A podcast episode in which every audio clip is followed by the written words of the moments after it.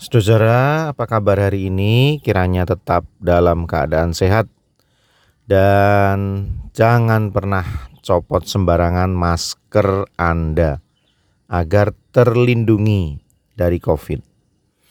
Firman Tuhan dalam Ayub Ayub 23 ayat ayat 15, Ayub 23 ayat 15 dikatakan, Itulah sebabnya hatiku gemetar menghadapi dia kalau semuanya itu kubayangkan, maka aku ketakutan terhadap dia. Ayub 23 ayat 15. Ayat ini diberi judul dalam satu perikop Ayub ingin membela diri di hadapan Allah. Artinya, persoalan-persoalan yang Ayub hadapi, pergumulan yang sedang merundung hidup Ayub dengan begitu berat dan begitu keras memang membuat Ayub kecewa, marah, dan tentu Ayub ingin lepas dari itu semua dengan segera. Bahkan ada satu ayat yang mengatakan Ayub ingin mati saja karena tidak kuat. Namun pada akhirnya Ayat yang kita baca ini menjadi salah satu cara berpikir Ayub atau prinsip Ayub yaitu tunduk, taat dan berserah kepada apa yang Tuhan kehendaki.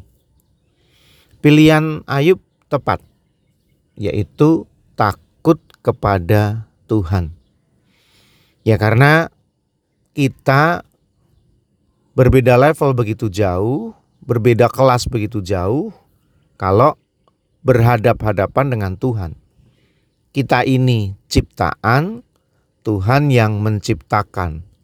Itu bagai bumi dan langit, bagai hitam dan putih.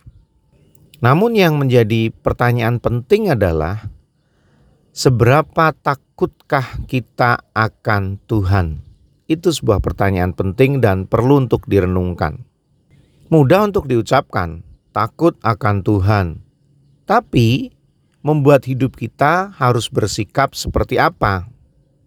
Pertama-tama rasa takut itu, rasa gentar itu harus membuat kita selalu mengingat akan Dia walaupun tidak terlihat, tidak tersentuh, tidak harus ada di sebelah kita. Itu ekspresi yang utama ketika kita mengatakan takut akan Tuhan. Pikiran kita selalu terngiang-ngiang akan keberadaannya. Sekali lagi, walau kita sendirian, walau kita tidak dikenal oleh orang lain, walau kita berada di tempat yang tidak semestinya, tapi ingatan kita, pikiran kita terus tertuju kepada Dia. Nah, sehingga apa yang mau kita lakukan, apa yang mau kita ucapkan, apa yang mau kita putuskan terpaku kepada Dia karena kita takut akan Dia. Nah, itu membuat hidup kita sangat terkendali. Walau sendiri, lalu kita tidak semaunya sendiri. Karena sekali lagi, kita menghayati keberadaan Tuhan yang walaupun tidak dapat dilihat dan tidak dapat disentuh, namun mendorong kita untuk tetap mengendalikan diri dan berpendapat dengan tegas dan jelas bahwa Tuhan melihatku. Tuhan ada di sini. Tuhan besertaku dan itu membuatku sekali lagi mengendalikan diri. Karena kita sering kali seperti itu. Wah sendiri nih. Wah nggak ada yang dikenal nih. Wah enak nih untuk berbuat dosa. Dan kita berpikir bahwa Tuhan terbatas. Tuhan tidak mampu bersama dengan kita, berada dengan kita di dalam kesendirian itu. Nah, di situlah kemudian kita lepas kendali. Padahal kita berpikir takut akan Tuhan, tetapi itu bukan ekspresi orang takut akan Tuhan, tapi orang yang berpura-pura takut, tetapi dia adalah orang yang munafik, karena menjadi taat dan tertib kalau ada yang melihat, kalau ada yang dikenal, menjadi taat dan tertib kalau harus diawasi, Kalau tidak diawasi, lalu sekali lagi kita lepas kendali. Apa yang sebetulnya saya sampaikan ini adalah hakikat dari beragama. Orang beragama, orang taat pada Tuhan, itu sebetulnya pertama-tama bukan dikendalikan oleh hukum-hukum, sanksi-sanksi yang berderet-deret panjang begitu rupa. Namun hakikat dari beragama, hakikat dari taat pada Tuhan itu sebetulnya ada dalam pikiran kita. Ada, tidak ada Tuhan, terlihat atau tidak terlihat, bisa disentuh atau tidak bisa disentuh.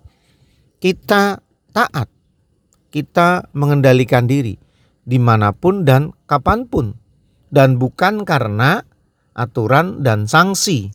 Karena kalau hanya berpedoman pada aturan dan sanksi, maka kita membutuhkan pihak kedua sebagai hakim yang akan memutuskan, oh kamu bersalah, oh kamu nggak benar. Nah kalau apa yang kita sebut hakim itu tidak ada, maka kita seperti kuda liar yang lepas kendali. Yakinlah bahwa Tuhan yang tak terbatas itu selalu beserta dengan kita. Ada, melihat, dan sekali lagi, bersama sama dengan kita. Maka pilihan untuk takut akan Tuhan di mana pun dan kapan pun akan memberi dampak positif dalam sikap dan perilaku hidup kita itu tepat. Dan memang benar bahwa Anda, saya, kita harus takut akan Tuhan. Karena kuasanya tak terbatas oleh apa pun. Dia melihatmu, dia besertamu, dan selalu takutlah akan dia. Masih bersama dengan saya Pendeta Yudi dalam Renungan Mas. Esok masih ada solusi.